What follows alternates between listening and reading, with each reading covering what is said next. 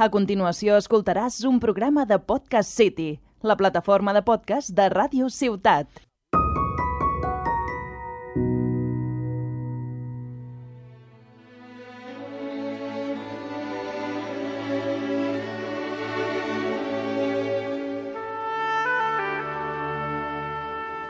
Plenitud a la vida quotidiana, un programa d'espiritualitat pràctica presentat per Jaume Arasa.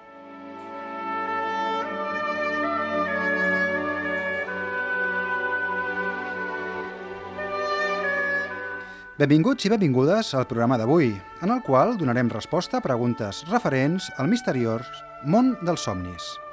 Mirarem quins tipus de somnis tenim i què podem fer per recordar-los. També donarem indicacions de com fer-ne una interpretació adequada i fins i tot introduirem la pràctica de com aprofitar el son per establir un vincle amb el nivell espiritual. A la segona part del programa estarà amb nosaltres l'il·lustrador i pintor Miquel Cazanya per explicar-nos la seva visió del món oníric. I per acabar, en Xavier Pila comentarà alguns fragments referits als somnis del mestre Antoni Blai Fontcoberta.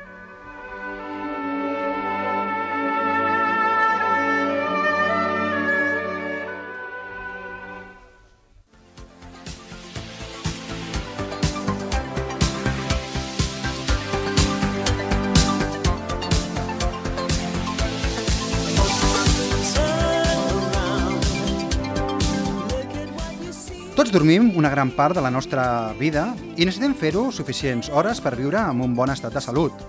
Si no ho fem així, no trigarem gaire a tenir problemes físics, afectius i mentals que ens afectaran en tot allò que fem. Mentre dormim, ho recordem o no, hi ha moments en què somiem, i somiar té quelcom de misteriós. Aquest fet eh, ja va dur als nostres avantpassats des de l'antiguitat i des de diverses cultures, a que es preguntessin d'on venen els somnis i quin és el seu significat. I és que si cada un de nosaltres al llarg del dia som conscients de les impressions que ens entren pels sentits i en podem aprendre d'elles, no és absurd que també aprofitem la realitat que se'ns presenta en el son per una vegada desperts, dedicar part del nostre temps i atenció a considerar el seu contingut. Si ho fem així, ens n'adonarem que els somnis no són una pel·lícula abstracta sense sentits, sinó que el seu missatge pot ser molt útil per entreveure quin és l'origen de les nostres preocupacions, desitjos i pors.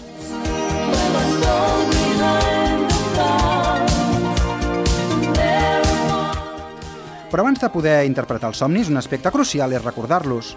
I per això cal tindre en compte dues qüestions importants.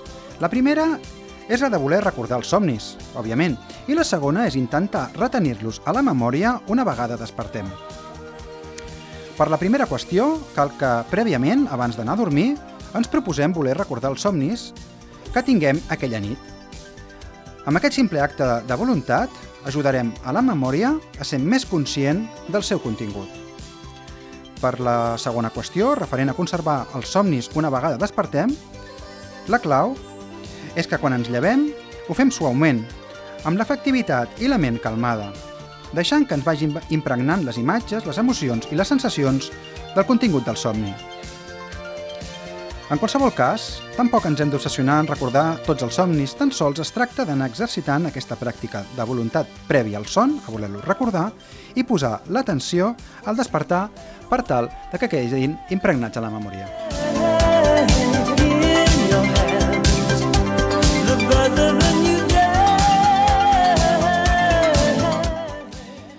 Tenim diferents tipus de somnis. Referit a això, apuntarem que en tenim alguns que assenyalen eh, diferents eh, estats que podem tenir o, o malalties que patim al nostre organisme, de manera que ens poden servir de senyal indicadora del que ens cal recuperar i sanar. D'altres ens assenyalen aspectes com pors, desitjos, malestars emocionals i conflictes mentals, amb la finalitat que reprocessem i assimilem tota aquesta informació que encara no tenim integrada. A més a més, en tenim alguns de ben estranys, com per exemple els d'inspiració creativa, que ens aporten coneixements desconeguts i dels quals s'han nodrit al llarg de la història molts pensadors, escriptors, científics, polítics i artistes. En aquesta línia de somnis hi trobem també els telepàtics, en els quals eh, s'estableix una certa connexió amb la ment d'una altra persona. D'altra banda, també cal destacar els somnis premonitoris, que ens anticipen un esdeveniment imprevist, aportant-nos una informació molt valuosa que ens pot servir per decidir com afrontar el futur.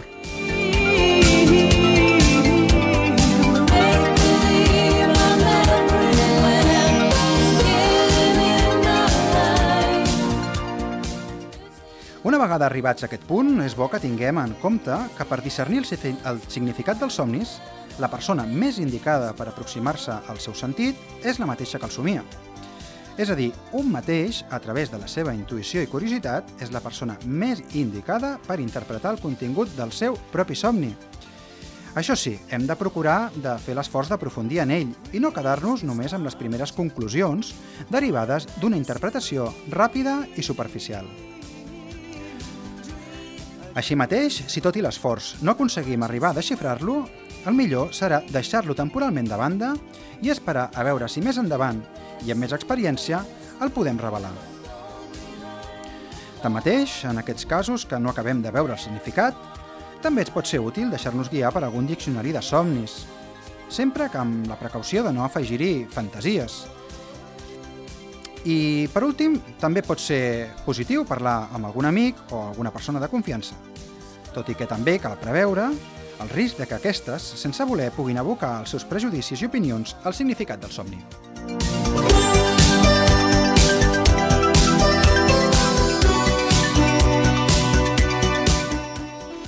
Una vegada ens posem a interpretar els somnis, una de les qüestions a les que hem de posar més atenció per tal d'esbrinar el seu missatge és mirar de què va el somni, és a dir, veure des d'una simple observació què és el que passa.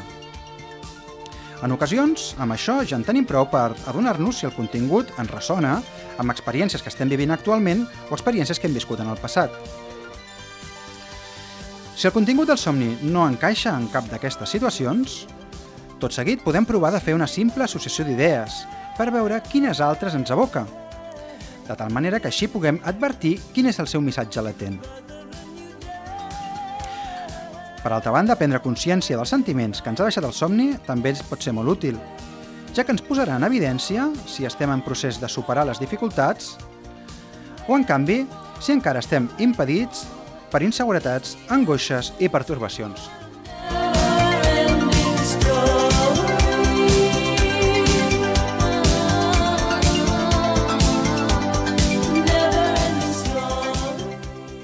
Una vegada interpretat i clarificat el contingut dels somnis, veurem que aquest procés ens ajudarà inevitablement a canviar la nostra manera de fer, transformant, a poc a poc, la nostra personalitat envers una consciència més unificada, àmplia i comprensiva.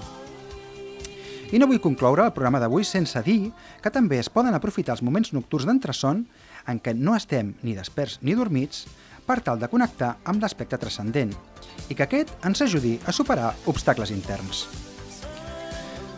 Per dur a terme aquesta pràctica, cal que una vegada que estiguem dormint, si ens n'adonem que estem en aquest estat d'entreson, ens posarem còmodament panxa amunt.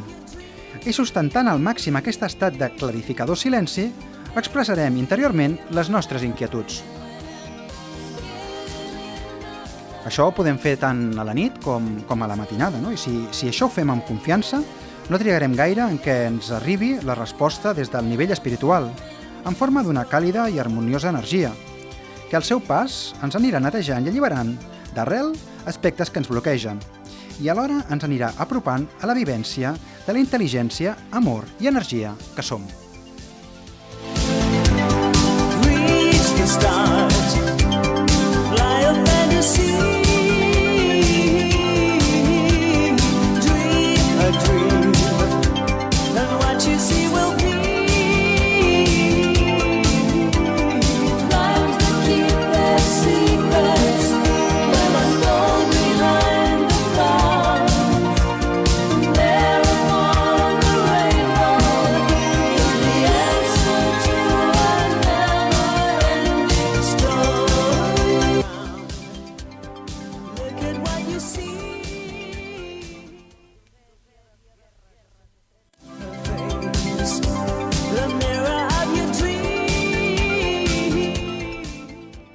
Per aprofundir encara més en el tema d'avui, parlarem amb el Miquel Cazanya, que és il·lustrador i pintor, així com deixeble de l'obra de l'Antoni Blai. És també net de la pintora realista Carme Gandia, qui va ser una de les poques exponents femenines de l'Escola de Paisatge d'Olot. Benvingut, Miquel. Què tal, Jaume? Molt bé. Gràcies. Molt bé, Miquel, mira, gràcies per acceptar la, la invitació de participar al programa i, i com ja saps, avui estem parlant de tot allò que es refereix als somnis i què millor no, que un artista per tal que ens doni el seu punt de vista. Mira, Miquel, eh, preparant el programa he llegit que hi ha estudis que afirmen que els artistes recordeu més els somnis, no? Mm, Tu creus que, mm, que entres dins d'aquest grup d'artistes no? que, que recorda més els somnis? Bé, jo no sabia res d'aquest estudi, però, però bé, sí que és veritat que, que els artistes d'alguna manera doncs, tenim l'obligació o de, de prestar bastanta més atenció en tot aquest món de, de l'inconscient, no? que al cap i a la fi per nosaltres és com una, una biblioteca col·lectiva, no? Uh -huh. en la qual doncs, pots trobar elements francament interessants com per connectar amb l'inconscient col·lectiu, no? que, que al final és el que busquem. Uh -huh. Doncs mira, jo concretament et volia fer una pregunta que és molt concreta perquè el programa no, no l'he no, no parlat i, aprofi, i aprofitaria doncs, que, que estàs aquí perquè ens poguessis donar doncs, eh, una mica eh, el que en sàpigues, no? I és que mm. preguntar-te sobre els colors i els tons, no? Perquè també quan somiem, doncs somiem pot ser en blanc i negre, però també pot ser amb, amb colors o a vegades amb intensitats de colors més fortes o més fluixes, no? Segurament tot això té un significat dins del somni, no? Però tu com empres els colors no? a, a l'hora de, de, de, de fer les teves obres? Doncs mira, depèn bastant de, del context en els somnis, jo crec, no? I en, en quant als quadres, doncs és, és una mica igual. Jo la veritat és que utilitzo bastant colors càlids, tipus eh, groc, taronja, ver, bueno, vermell no tant, però groc i taronja sí moltíssim, no? Que són colors que d'alguna manera eh, són doncs, més càlids i ens, ens transporten a, a un lloc més, més agradable amb, amb bastanta facilitat, no? Uh -huh. I, i bueno, eh, és una mica alguns un, colors que utilitzo bastant habitualment, però, però bé, també és veritat que si he de fer un treball d'il·lustració que va sobre Edgar Allan Poe, no?, i és de terror, doncs ja me'n vaig directament en colors blaus, lila, negre directament, i, i bé, així doncs ja entrem en un món doncs, molt, molt més tenebrós, no? Uh -huh. És, és bastant immediat, segons el que utilitzis i el context, doncs ja la ment se'n va amb unes referències o amb unes altres i més que la gent ho diu, eh? No, no, aquesta il·lustració em fa por. O eh, aquest paisatge em resulta molt agradable i em transmet molta pau, no? Uh -huh. I sí, els colors, com tu dius, doncs, són fonamentals, però bé, també la composició, els elements que hi apareguin, tot influeix molt, la veritat, inclús el punt de vista, no? Uh -huh. Doncs, doncs també, igual que en els somnis, no? Si, si estem en un somni que som molt petits i ens apareix una persona que és molt gran i, i va vestida de negre, i això doncs tindrem molta por, no? I a l'inrevés. Tot és simbologia al final, és, és, i és molt agradable treballar amb, amb aquesta simbologia. Uh -huh. Molts artistes no, s'han alimentat dels somnis. No? El, els surrealistes no, de principis del segle XX feien servir el seu contingut oníric no? per sí, creació. Sí. Sí, el surrealisme, si em preguntes a mi, diria que és un dels tres moviments artístics més interessants de, de tota la història de l'art. Per què? Eh, ells, d'alguna manera, sí, ells venien a dir que, que estem somiant la meitat de la nostra vida i que, d'alguna manera, doncs, és com una alliberació mental i psicològica el fet de somiar.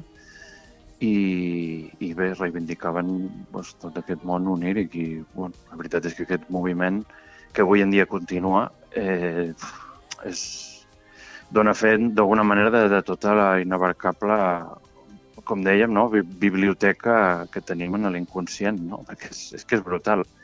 Mires un quadre, no té res a veure amb l'altre, però tots són possibles en el nostre inconscient i, i bé, és, és una font d'aprenentatge immensa. Molt bé, jo ara et volia dir, eh, tot i que jo diria que tu ets, tu ets realista, no? Tu, la teva pintura és realista, no? Sí, sí. sí.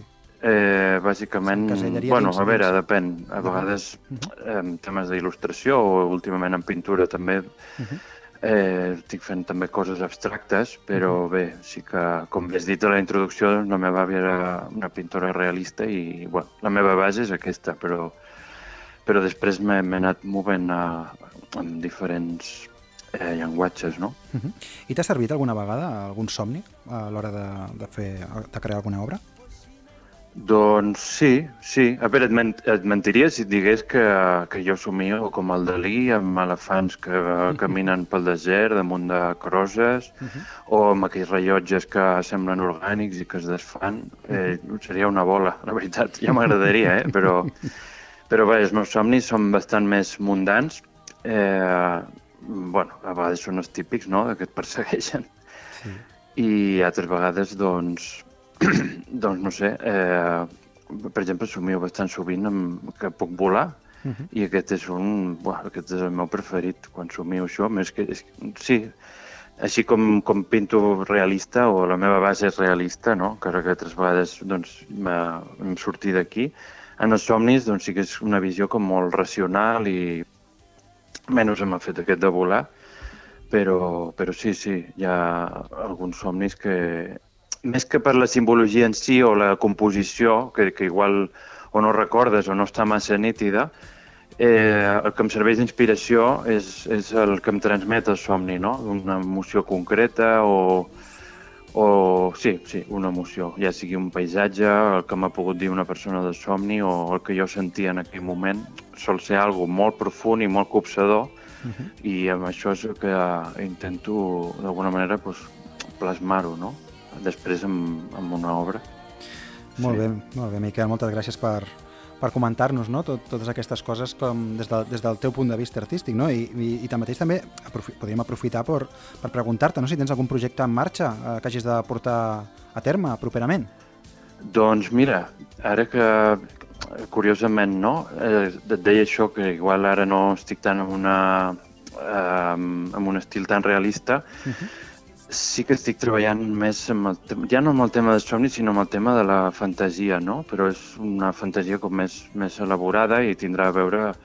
Seran com alegories de la psicologia humana, no? En el qual es parlarà igual doncs, de l'avarícia, de, o la violència, o, o altres valors doncs, més elevats també, no? Com, eh, no sé, l'empatia o la solidaritat. I bé, eh, no és que no, tampoc et diria que, que m'estic basant en somnis, però sí que m'estic basant en, en tot el que estàvem comentant, no? tota aquesta simbologia que tenim en l'inconscient, uh -huh. que, que, que anirà apareguent en el, tant a nivell de colors com de composició i de més, no? I, i bueno, tindran una base realista, però seran com una mica més onírics i més fantasiosos. Molt bé, i quan ho podrem gaudir, tot això?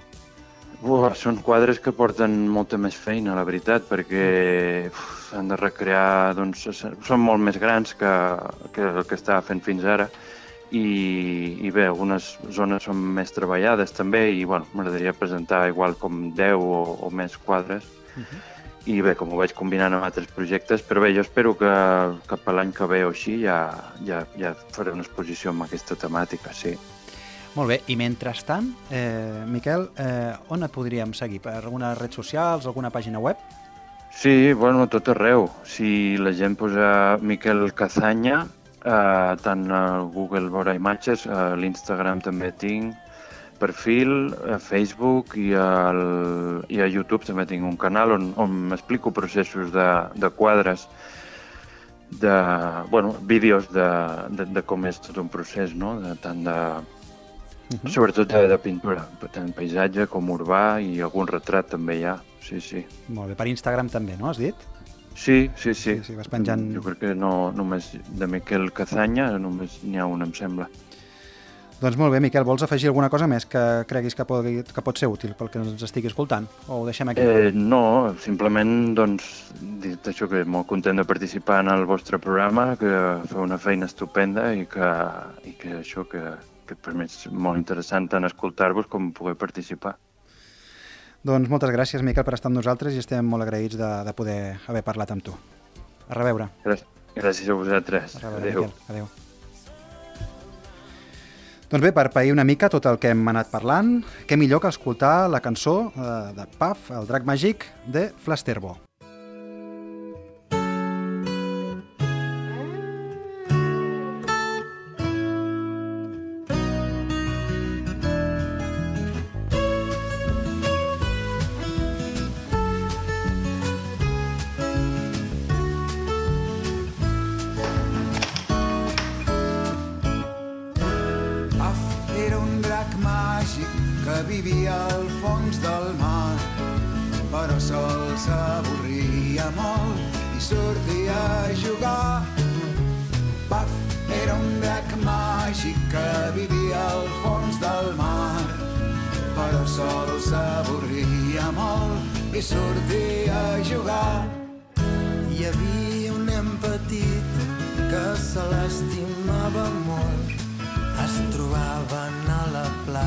Platja tots jugant de sol a sol. Tots dos van preparar un viatge molt llarg. Volien anar a veure el món i travessar la mar. Paf, era un drac màgic que vivia al fons del mar però sol s'avorria molt i sortia a jugar. Màgic que vivia al fons del mar, però sol s'avorria molt i sortia a jugar. Quan hi havia tempesta, s'ho arreglaven molt bé, enfilant-se la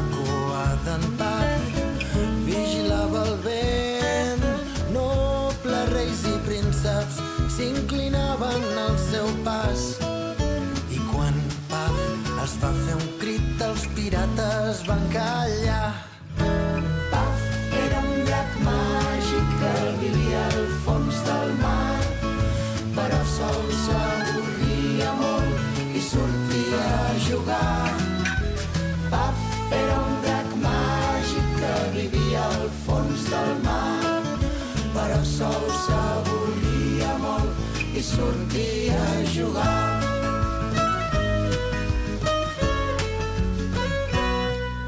Els dracs viuen per sempre, però els nens es fan grans. Va conèixer altres llocs pel món que li van agradar tant que una nit molt grisa i trista el nen el va deixar i els brams de joia d'aquell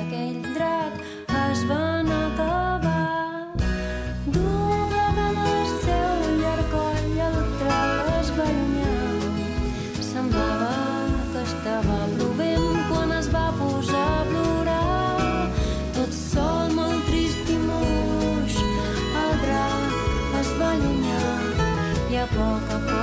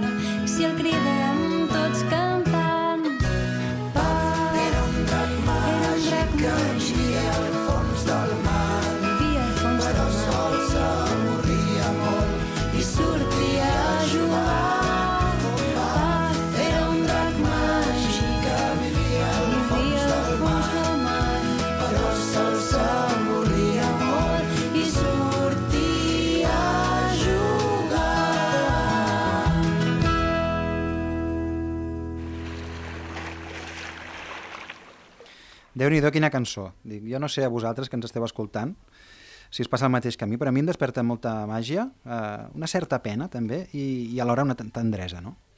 Doncs benvingut, Xavier. No sé si a tu et passa el mateix amb aquesta Sí, cançó. Jaume, sí, sí, és una, una cançó molt bonica i, i, i bé, que explica una història que podia ser ben bé un somni. Sí, sí, sí, sí, encaixa força bé amb el programa d'avui. Bé, doncs avui ens comentaràs alguns fragments de l'Antoni Blai referents als somnis, així que endavant. Sí, eh, els somnis i la seva interpretació són una forma d'autoconeixement i de coneixement de la realitat. És un tipus de comunicació molt valuosa. Eh, L'Antoni Blai diu la persona que es pugui posar en contacte amb el contingut del subconscient podrà veure no només en si mateix, sinó també en altres persones coses que li van passar, coses que actualment li estan passant i coses que li passaran. En aquesta forma de percebre els somnis, les coses solen presentar-se de forma simbòlica. Hi ha persones per a qui rebre un regal, per exemple, té un significat de rebre notícies agradables, però no perquè se'ls hi atribueixi una superstició, sinó perquè realment coincideix una vegada i un altre amb, amb fets que són reals. En alguns casos, fins i tot, el somni no es manifesta només de forma simbòlica, sinó que ho fa de forma literal. Un somia amb una persona determinada i, en efecte, després la veu. En el somni es veu un fet determinat i aquell fet llavors succeeix. Es veu un paisatge o una casa i després això eh, es veu per primera vegada en la realitat. Curiós, curiós tot això que estem parlant, no? I, i, bueno, i, i anem veient no, que l'inconscient no, no utilitza no, el llenguatge verbal en la representació del contingut, sinó que utilitza el llenguatge dels, dels símbols no, en la seva comunicació. Sí, eh, efectivament. Això s'aprecia amb més claretat en els somnis en què, en efecte, veiem com els impulsos i sentiments venen representats plàsticament per imatges adequades.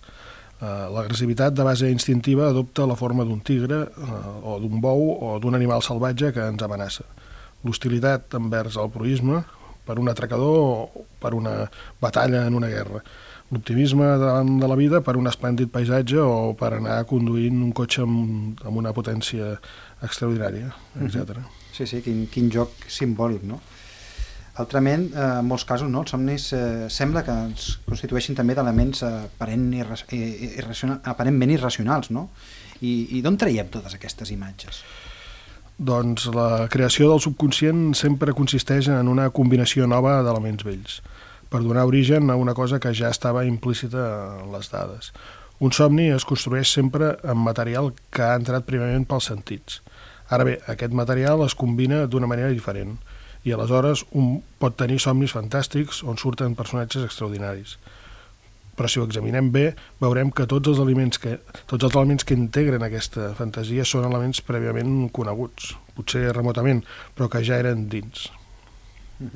És com si la ment inconscient tingués a mà eh, tot el material de què disposa per fer-ne una creació, per poder expressar en el seu llenguatge simbòlic, de la manera més clara, directa i eficaç, allò que està intentant manifestar.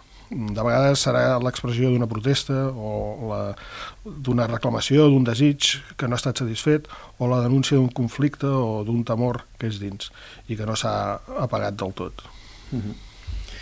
Interessant. Doncs, D'altra banda, com, com ja hem dit abans, eh, qui millor no? eh, pot interpretar els somnis que, que un mateix, no? Em, ja que els símbols, no? eh, això, els símbols, la vida per nosaltres pot anar canviant, no? I, i els símbols eh, avui ens poden dir una cosa, no? I, i, i d'aquí uns anys eh, el mateix símbol ens pot dir una altra, no? Per tant, aquesta, no? aquesta importància no? de, de, de que un mateix faci l'esforç no? D'interpretar els propis somnis. Sí, eh, sempre podem trobar en els somnis un significat, un missatge a interpretar. Eh, aquest missatge, si l'estudiem amb compte eh, d'aquest somni, veurem que és una autèntica obra d'art, una autèntica creació, perquè el nostre inconscient tria situacions, eh, ambients, personatges, incidents, detalls, que combina d'una manera realment magistral per condensar en un mínim de temps i espai la màxima riquesa de significació. Uh -huh. Aquesta combinació, no? això és el que estàvem parlant amb el Miquel, no? aquesta combinació no? que, que moltes vegades no? somnis i, i art no? comparteixen aquest llenguatge simbòlic. Sí, eh, l'Antoni Blai diu admiro l'art que demostra el nostre inconscient per engendrar símbols en el somni, buscant la forma de representar una cosa molt rica en significats, de la manera més simple, més gràfica i més dramàtica. El potencial d'aprenentatge i, el potencial terapèutic dels somnis permet interpretar, entendre i integrar els missatges dels somnis conscientment i és molt important per tothom. Per acabar, voldries destacar o comentar eh, algun altre aspecte respecte als somnis que, que, que potser ens hem deixat una mica avui al marge? Eh, sí, dels diferents tipus de somnis que has comentat, eh, destacaria un, el dels somnis lúcids, pel potencial d'aprenentatge espiritual i terapèutic que tenen. Eh, el somni lúcid es pot comparar amb, amb una pel·lícula en què eh, s'és un actor, Uh -huh. eh, és com si eh, un pogués actuar amb un nou guió. Si la persona se n'adona i és present de forma conscient i de, de forma desaferrada, conscient de que està en un somni, llavors pot actuar volunt- voluntàriament i, per exemple, afrontar situacions del passat no viscudes adequadament, que reprodueixen el somni. Llavors, viure situacions pendents de l'inconscient, que mitjançant el somni lúcid es poden viure d'una altra manera. Uh -huh. Doncs molt bé, Xavier, jo crec que ja ho podríem anar deixant aquí, no? Sí, molt bé. Doncs, Jaume, doncs, fins al proper programa. Gràcies. Gràcies per participar. Molt bé.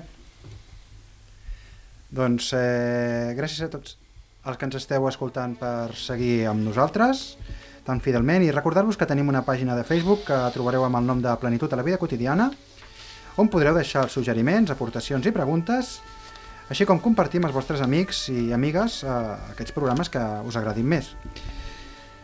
Agrair a, a, Lluís, a Lluís, al control tècnic, moltes gràcies, i a tots vosaltres, si ho desitgeu, ens retrobem al proper programa. Fins aviat!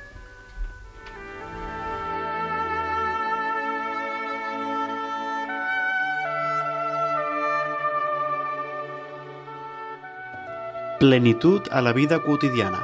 Un programa d'espiritualitat pràctica presentat per Jaume Arasa.